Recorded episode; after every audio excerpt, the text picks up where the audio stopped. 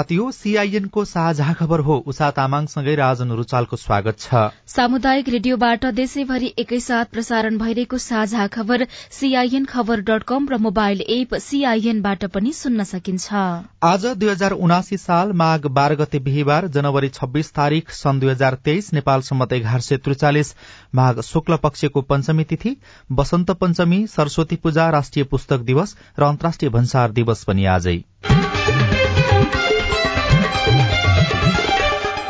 साझा खबरमा प्रमुख खबरका शीर्षकहरू। आत्मदाह प्रकरणको छानबिन गरिने सरकारको एक महिने अवधिको समीक्षा सुशासन सेवा प्रवाह र विकास निर्माणलाई प्रभावकारी बनाउने घोषणा सकारात्मक। गृहमन्त्रीको नागरिकता मुद्दामा बहस राज्य संयन्त्रको पैरवी लामी छानेको पक्षमा मिटर ब्याजमा नयाँ शैली अपनाइदै। सिंहदरबारभित्र खानेपानीमा मासिक दुई करोड़ खर्च मन्त्रालयहरूमा जार र बोतलका पानी बन्द गरिने एक वर्षमै साढे चौन्न अर्बले बढ़्यो खराब कर्जा। तालिबान सरकारले महिलालाई मानवीय क्षेत्रमा काम गर्न अनुमति दिने गरी तयारी हुँदै भारतको कश्मीर उपत्यकामा सौर्य ऊर्जाको खपत बढ़्यो। न्यूजील्याण्डका प्रधानमन्त्री क्रिस हिपकिन्सद्वारा शपथ ग्रहण। र नेपाल टी ट्वेन्टी लीगको फिक्सिङ प्रकरणबारे छानबिन कार्यदलले प्रतिवेदन बुझायो राखेपाले क्यानलाई निलम्बन पनि गर्न सक्ने।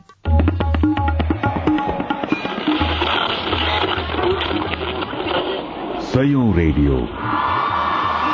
हजारौं रेडियो कर्मी र करोड़ौं नेपालीको माझमा यो हो सामुदायिक सूचना नेटवर्क सीआईएन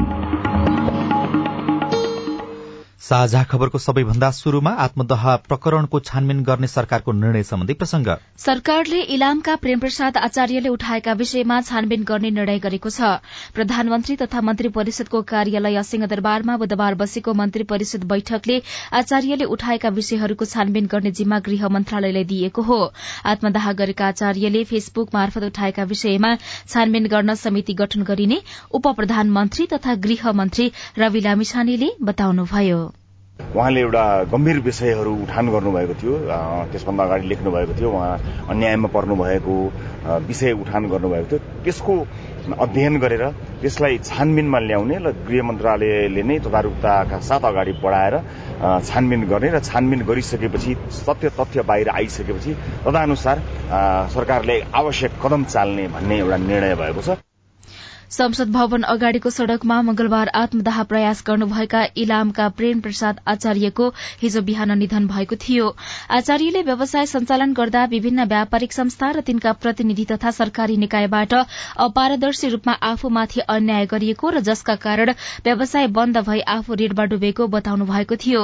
आचार्यको आत्मदाह घटनाले सामाजिक सञ्जाल तरंगित भएको छ। कायमै नरहेको नागरिकता प्रयोग गरी पार्टी दर्ता गराएको प्रतिनिधि सभामा उम्मेद्वार बनेको एकैपटक नेपाल र अमेरिकाको नागरिकता र राहदानी प्रयोग गरेको आरोप लागेका उप प्रधान तथा गृहमन्त्री रवि लामिछाने विरूद्धको मुद्दामा सर्वोच्च अदालतमा बहस भइरहेको छ। प्रधानमन्त्री तथा मन्त्री परिषदको कार्यालय गृह मन्त्रालय जिल्ला प्रशासन कार्यालय प्रतिनिधि सभा निर्वाचन आयोग र महान्यायाधिवक्ता कार्यालय समेत लामिछानेको प्रतिरक्षामा उभिएका छन्। कानूनी शासन भएको कुनै पनि मुलुकमा सार्वजनिक पद धारण गरेको कुनै पदाधिकारीमाथि यस्ता आरोप लाग्दा पदबाट हटाएर अनुसन्धान गरिन्छ वा सम्बन्धित व्यक्तिले नै स्वेच्छाले पद त्याग गरेर अनुसन्धानमा सघाउँछन् तर यो प्रकरणमा भने ठिक उल्टो देखिएको छ। लामिछानेसँग नेपालको नागरिकता नरहेकाले उहाँ सांसदको उम्मेद्वार बन्न नै अयोग्य रहेको उजुरी निर्वाचन आयोगमा गत कार्तिक उन्तिसमै परेको थियो। मंगिर चारमा निर्वाचन भएर मंगिर नौमा लामिछाने विजयी भएको घोषणा हुनुअघि निर्वाचन आयोगले यो उजुरीमा निर्णय गरेन। राष्ट्रिय स्वतन्त्र पार्टीका सभापति लामिछानेले चितवन दुईबाट निर्वाचन भएको निर्वाचित भएको घोषणापछि मात्रै मंगिर तेह्रमा भने आयोगले सांसदको अयोग्यताको निर्णय गर्ने अधिकार सर्वोच्च अदालतको संवैधानिक इजलासलाई भएको निर्णय गरेको थियो। युवराज पौडेलले मंगिर बाह्रमा गृह सचिवलाई सम्बोधन गर्दै लामिछानेले एकैपटक दुई देशको नागरिकता राहदानी प्रयोग गरेकोमा छानबिन गर्न अनुरोध गर्दै उजुरी दिनुभएको थियो। उक्त उजुरी गृहले जिल्ला प्रशासन कार्यालय काठमाडौँलाई र प्रशासनले काठमाडौँ प्रहरी प्रशासनलाई पठाइदिएका थिए। प्रहरीको तालुकाला मन्त्रालयमा लामिछाने आफै मन्त्री बनेर आएपछि उजुरीमाथिको अनुसन्धान रोकिएको छ। गृह मन्त्रालय र निर्वाचन आयोगले लामीछाने विरूद्ध परेका उजुरीमाथि समयमा अनुसन्धान निर्णय नगरेका कारण उक्त विवाद अहिले सर्वोच्च अदालतको संवैधानिक इजलासमा पुगेको हो। अधिवक्ताहरू रविराज बसौला र युवराज पौडेलले सार्वजनिक सरोकारको निवेदन मार्फत सर्वोच्चको संवैधानिक इजलासमा लामीछानेको योग्यतालाई चुनौती दिनुभएको छ। इजलासमा गृह मन्त्रालय निर्वाचन आयोग मात्रै होइन प्रधानमन्त्री तथा मन्त्री परिषदको कार्यालय जिल्ला प्रशासन कार्यालय र प्रतिनिधि सभा समेत लामीछानेको पक्षमा उभिएका छन्। उनीहरू सबैका तर्फबाट महान्यायाधिवक्ता कार्यालयले बहस गरेको छ जसले लामीछानेकै प्रतिरक्षा हुन पुगेको देखिएको छ। प्रतिनिधि सभाको समानुपातिक निर्वाचनमा सहभागी राजनीतिक दलले निर्वाचन आयोगलाई खर्च विवरण बुझाएका छन्। समानुपातिक तर्फको थ्रेसोल्ड कटाएका सातवटा सहित सड़चालिसवटा राजनीतिक दलले खर्च विवरण बुझाएको आयोगले जनाएको छ। सीआईएनसँग कुराकानी गर्दै आयोगका प्रवक्ता शालिग्राम शर्मा पौडेलले मंगिर अठाइसको पैंतिस दिनभित्र खर्च विवरण बुझाउनुपर्ने प्रावधान अनुसार नै दलहरूले विवरण बुझाएको बताउनुभयो। मंगिर अठाइसको पैंतिस दिनभित्रमा समानुपातिक तर्फको दलहरूले खर्च विवरण बुझाउनु पर्नेमा दलहरूले खर्च विवरण समानुपातिक तर्फको बुझाएका छन् भने प्रत्यक्ष तर्फको आफ्नो जिल्लामा बुझाउनु पर्ने हो। जिल्लामा बुझाइसकेको अवस्था छ। अब त्यसको लागि आयोगले कसले बुझाए कसले बुझाएनन् भन्ने कुराको जिल्लाबाट विवरण कलेक्सन गर्नका लागि पत्रचार गरेको छ। त्यो सबै कलेक्सन भएपछि थाहा हुन्छ तर प्राय सबै उम्मेद्वारहरूले खर्च विवरण बुझाएको भन्ने हामीलाई जानकारी प्राप्त भएको छ। विवरण अनुसार सबैभन्दा धेरै खर्च नेकपा एकीकृत समाजवादीले गरेको छ। समाजवादीले समानुपातिक निर्वाचनमा एक करोड़ नब्बे लाख उनानब्बे हजार रूपियाँ खर्च गरेको छ। यस्तै नेपाली कांग्रेसले एक करोड़ पचपन्न लाख बत्तीस हजार पाँच सय अठहत्तर नेकपा एमाले एक करोड़ तेत्तीस लाख छब्बीस हजार छ सय त्रियानब्बे नेकपा माओवादी केन्द्रले एक करोड़ चार लाख तीन सय छयालिस रूपियाँ खर्च गरेका छन्। यसै गरी राष्ट्रिय स्वतन्त्र पार्टीले छत्तीस लाख छयासी हजार दुई सय पच्चीस जनता समाजवादी पार्टीले पैंतिस लाख नेपाल मजदूर किसान पार्टीले अठाइस लाख छयत्तर हजार दुई सय पचास नागरिक उन्मुक्ति पार्टीले दस लाख तेह्र हजार लोकतान्त्रिक समाजवादी पार्टीले साढे नौ लाख राष्ट्रिय जनमोर्चाले तीन लाख एकानब्बे हजार पैंसठी रूपियाँ र जनमत पार्टीले तीन लाख अठासी हजार रूपियाँ खर्च गरेको विवरण बुझाएका छनृ। सरकारलाई विश्वासको मत दिएर कांग्रेसले सत्ता गठबन्धनको पोखरीमा ढुङ्गा हानेपछि शुरू भएको तरंगले राष्ट्रपति निर्वाचन प्रभावित पार्ने सम्भावना बढ़ेको छ। पूर्व सहमति अनुसार राष्ट्रपति उम्मेद्वारमा एकल निर्णय गर्ने अडानमा एमाले रहेको छ तर राष्ट्रिय सहमतिका नाममा माओवादीले पूर्ण वा आंशिक असहयोग गरेमा गैर एमाले उम्मेद्वार राष्ट्रपति हुने अवस्था पनि देखिएको छ। राष्ट्रपति निर्वाचनमा संघ र प्रदेशका सांसद मतदाता हुन्छन्।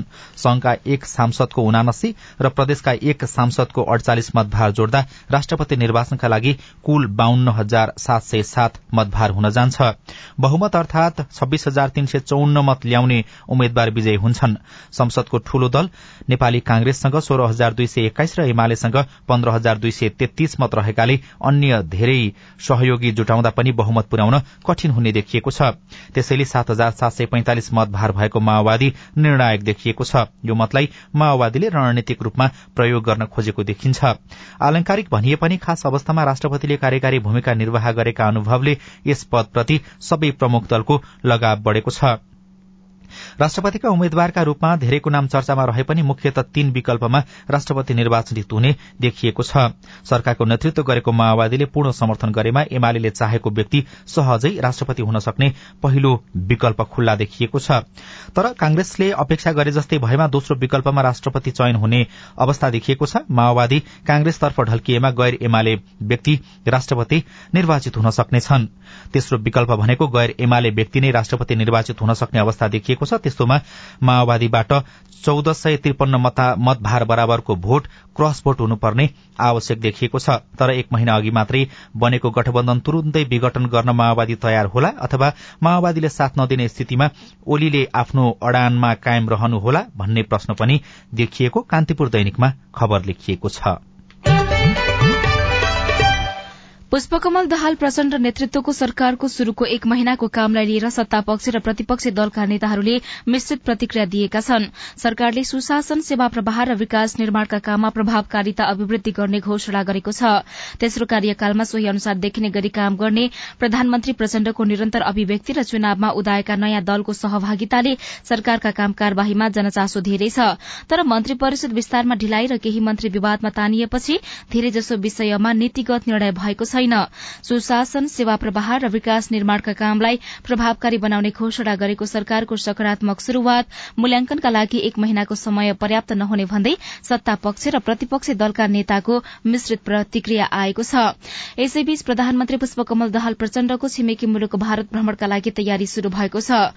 राष्ट्रपतिको निर्वाचन लगतै प्रधानमन्त्री प्रचण्डको भ्रमण गराउने गरी दुवै देश नेपाल र भारतको कूटनीतिक तहमा छलफल शुरू भएको छ। फागुन तेस्रो साता राष्ट्रपतिको निर्वाचन भए लगतै फागुन अन्तिम सातादेखि चैत पहिलो साता बीच प्रधानमन्त्री प्रचण्डको भ्रमण गराउने तयारी छ। भ्रमणको निमन्त्रणा लिएर भारतीय विदेश सचिव विनय मोहन क्वात्रा नेपाल भ्रमणमा आउने गरी दिल्लीमा तयारी भएको छ।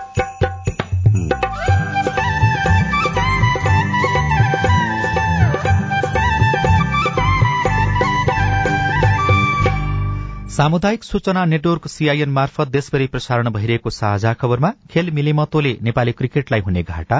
यसले त ब्याट फिक्सिङ गरेर जुन नेपाललाई हरायो भन्छ नि त। हिजोसम्म त यो कुरो थिएन नेपालमा। अब भोलिदेखि त यो कुरा हुने भयो।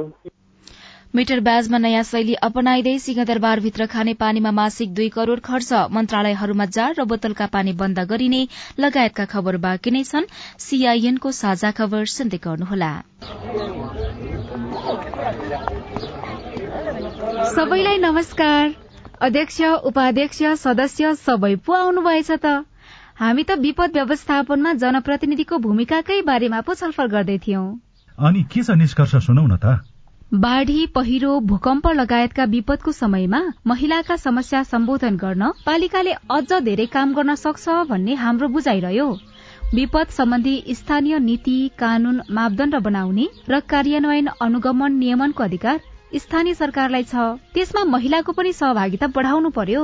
पालिकाको अध्यक्ष मै छु। पाएको अधिकार अनुसार हामी बनेको कानून कार्यान्वयन गर्ने अनि आवश्यक कानून बनाउने चरणमै छौं। अब तपाईँका सुझाव पनि समेटिन्छन् है। विपदको तयारी र प्रतिकार्यका लागि पालिकामा रहेको संयन्त्र र योजना अनि नीतिहरू महिला बालबालिका अपाङ्गता भएका यौनिक अल्पसंख्यक समुदायका व्यक्तिको आवश्यकतामा आधारित हुनु पर्यो अध्यक्षज्यू।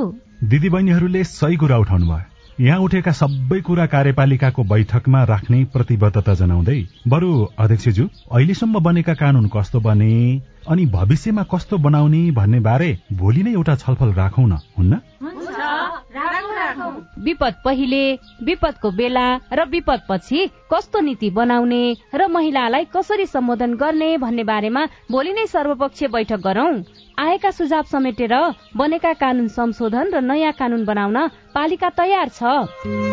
विपद सम्बन्धी कानून निर्माण र कार्यान्वयनमा महिलाको अर्थपूर्ण सहभागिता खोजौं। युएन उमनको सहयोगमा ल्याक र अकोराब नेपाल।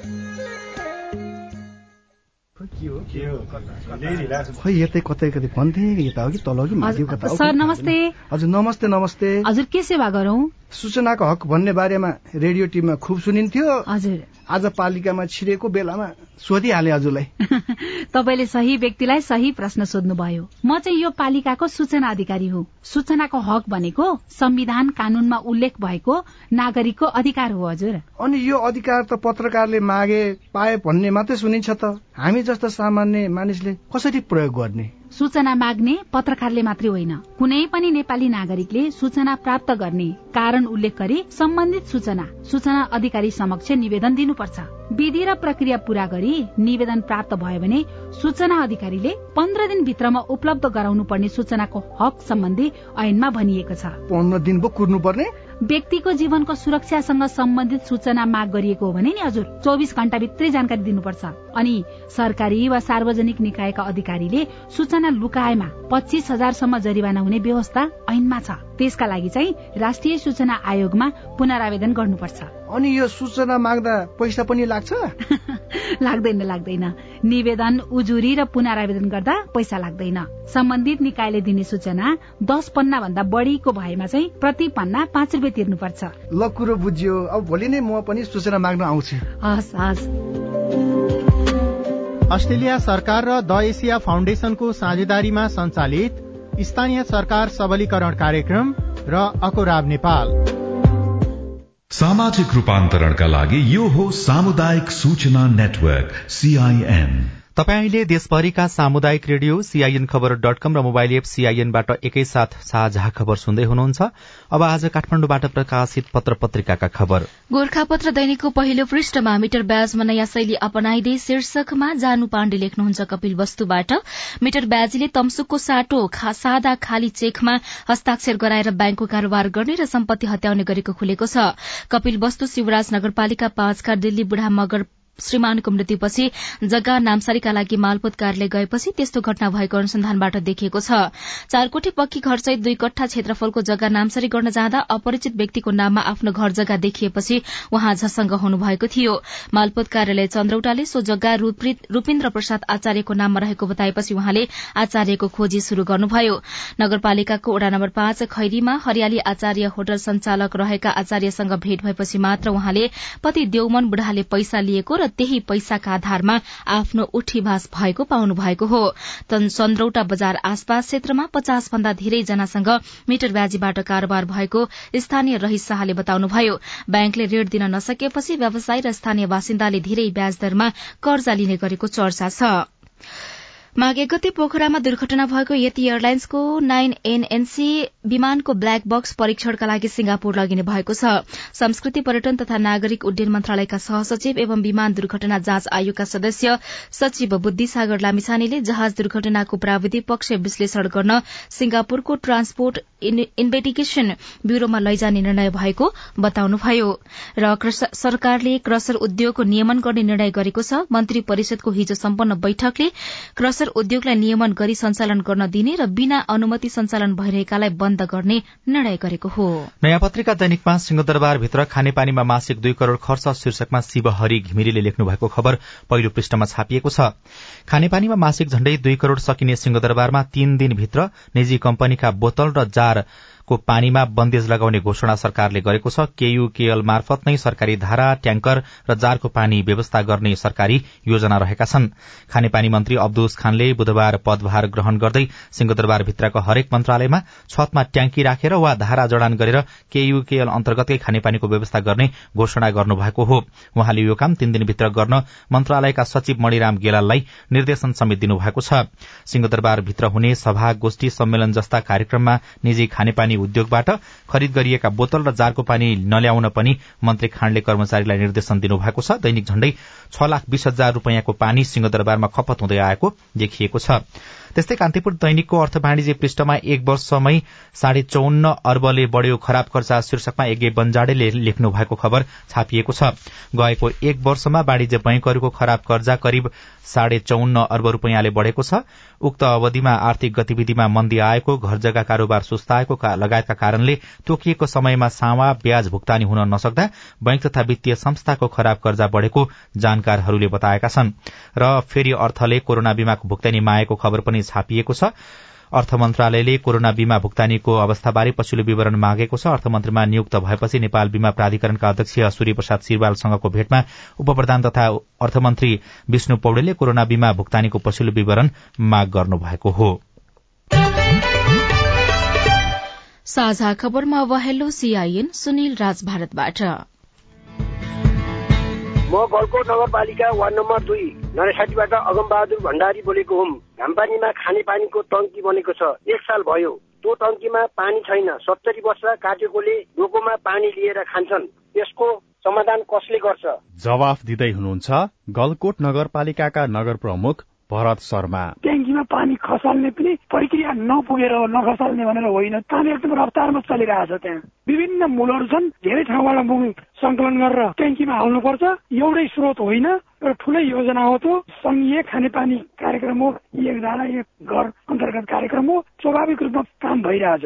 म अहमद पोखरेल गोर्खा जिल्ला सिराञ्चोक गाउँपालिका वार्ड नम्बर आठ निवासी आमा बुवा दुवै बितिसकेको अपाङ्ग मुख बोल्न नसक्ने छोरीले अहिलेसम्म श्रीमानको पत्तो नभएको अवस्थामा उसले एकजना छोरा जन्माएको बिस वर्ष भइसक्दा पनि आमा छोरा दुवैको नायरता बनेको छैन। उसको नायरता बन्छ कि बन्दैन बन्छ भने कसरी बन्छ?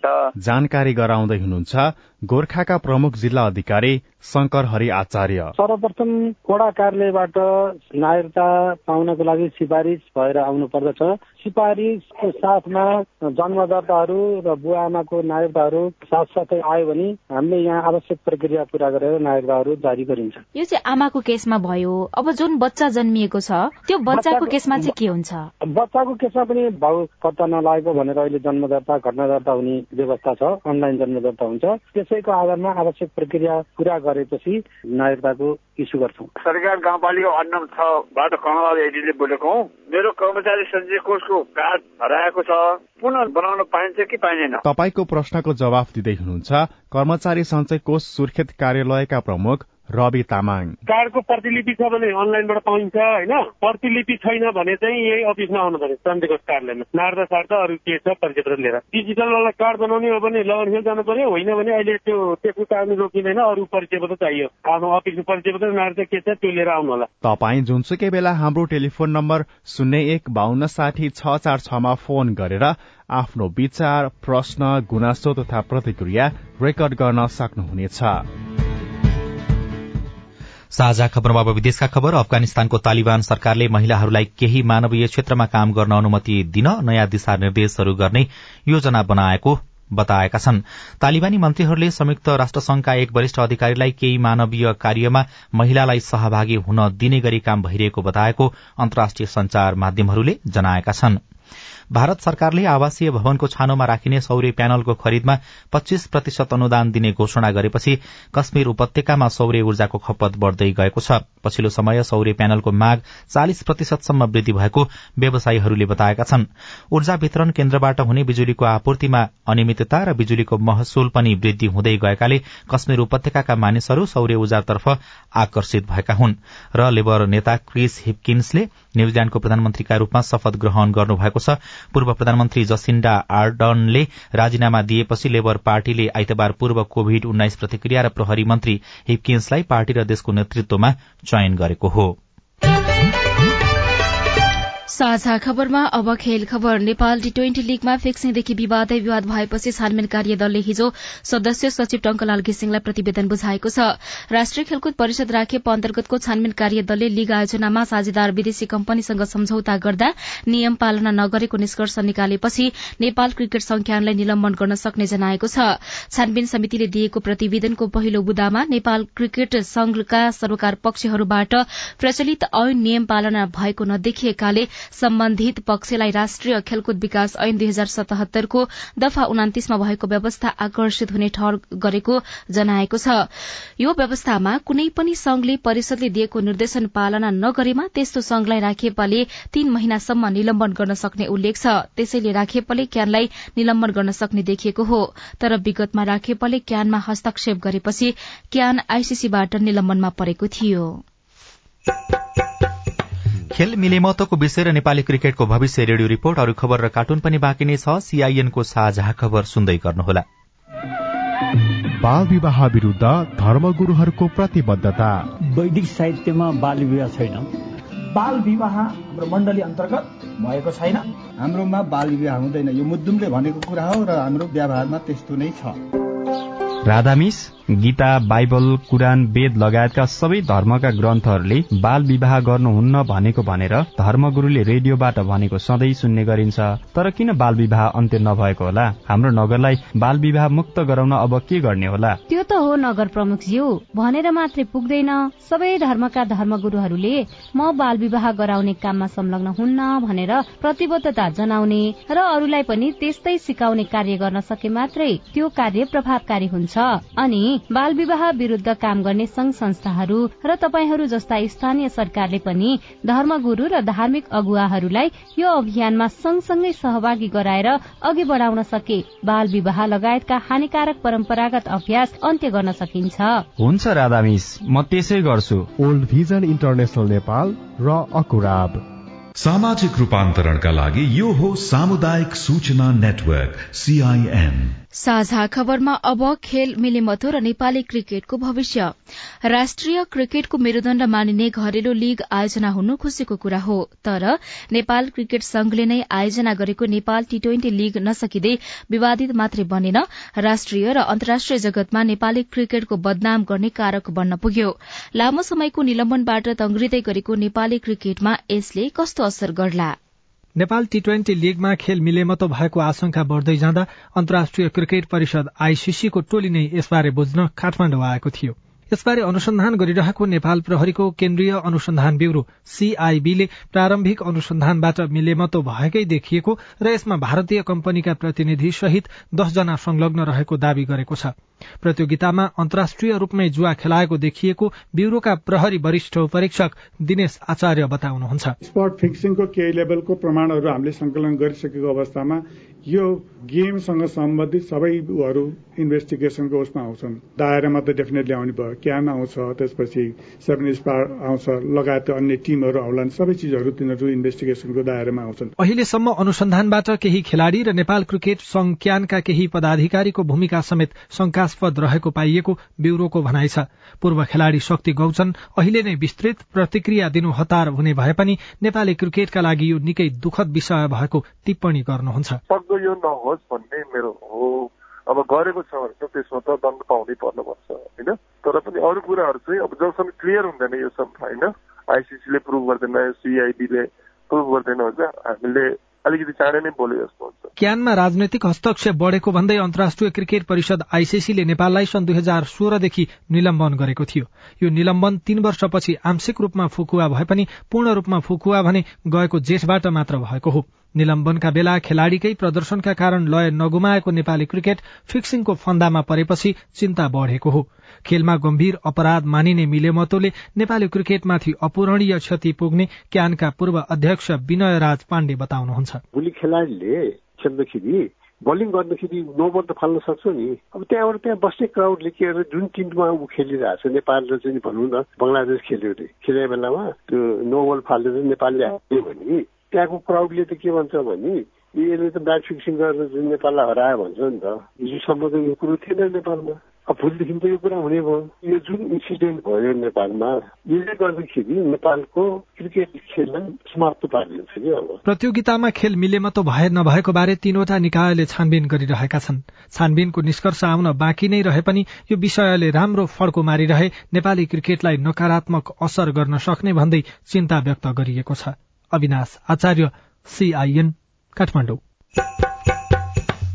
रिपोर्टसँगै हामी साझा खबरको अन्त्यमा आइपुगेका छौं। सामुदायिक रेडियो प्रसारक संघद्वारा संचालित सीआईएनको बिहान छ बजेको साझा खबर सक्नु अघि मुख्य मुख्य खबर फेरि एकपटक।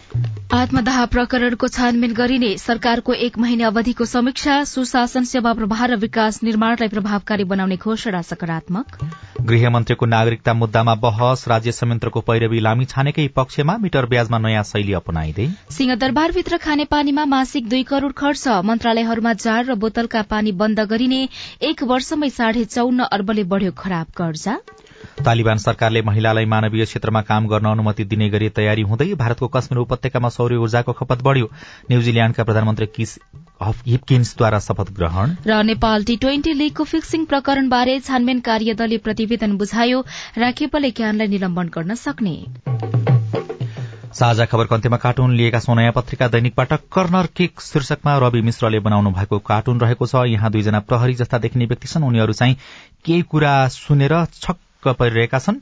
खास गरी यो प्रेम आचार्यको आत्मदाह प्रकरण पछाडिको विषयलाई यहाँ जोड्न खोजिएको छ। प्रशासनले त्यसपछि खुल्ला रूपमा बोतल र जर्किनमा पेट्रोल बेच्न रोक लगाएको छ। जुन निर्णय चाहिँ कामको रेखातिर कुम्लो बोकी ठिमीतिर भने जस्तै भयो भनेर कतिपयले भनिरहेका छन्। खास गरी मर्नुपर्ने वातावरण नै नबनोस् व्यवसायीहरूले राम्रोसँग काम गर्ने स्थिति बनोस् भनेर पनि धेरै मान्छेहरूले आवाज उठाइरहेका छन्।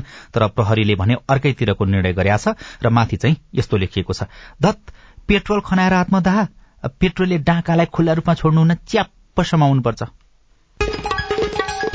हौस् त प्राविधिक साथी सुनिल राज भारतलाई धन्यवाद। अहिलेलाई राजन रुचाल र उषा तामाङ विदा भयौं। तपाईँको आजको दिन शुभ होस्। नमस्कार। यसपछि देशभरिका सामुदायिक रेडियोबाट कार्यक्रम हाम्रो पालिका प्रसारण हुनेछ। सुन्ने प्रयास गर्नुहोला।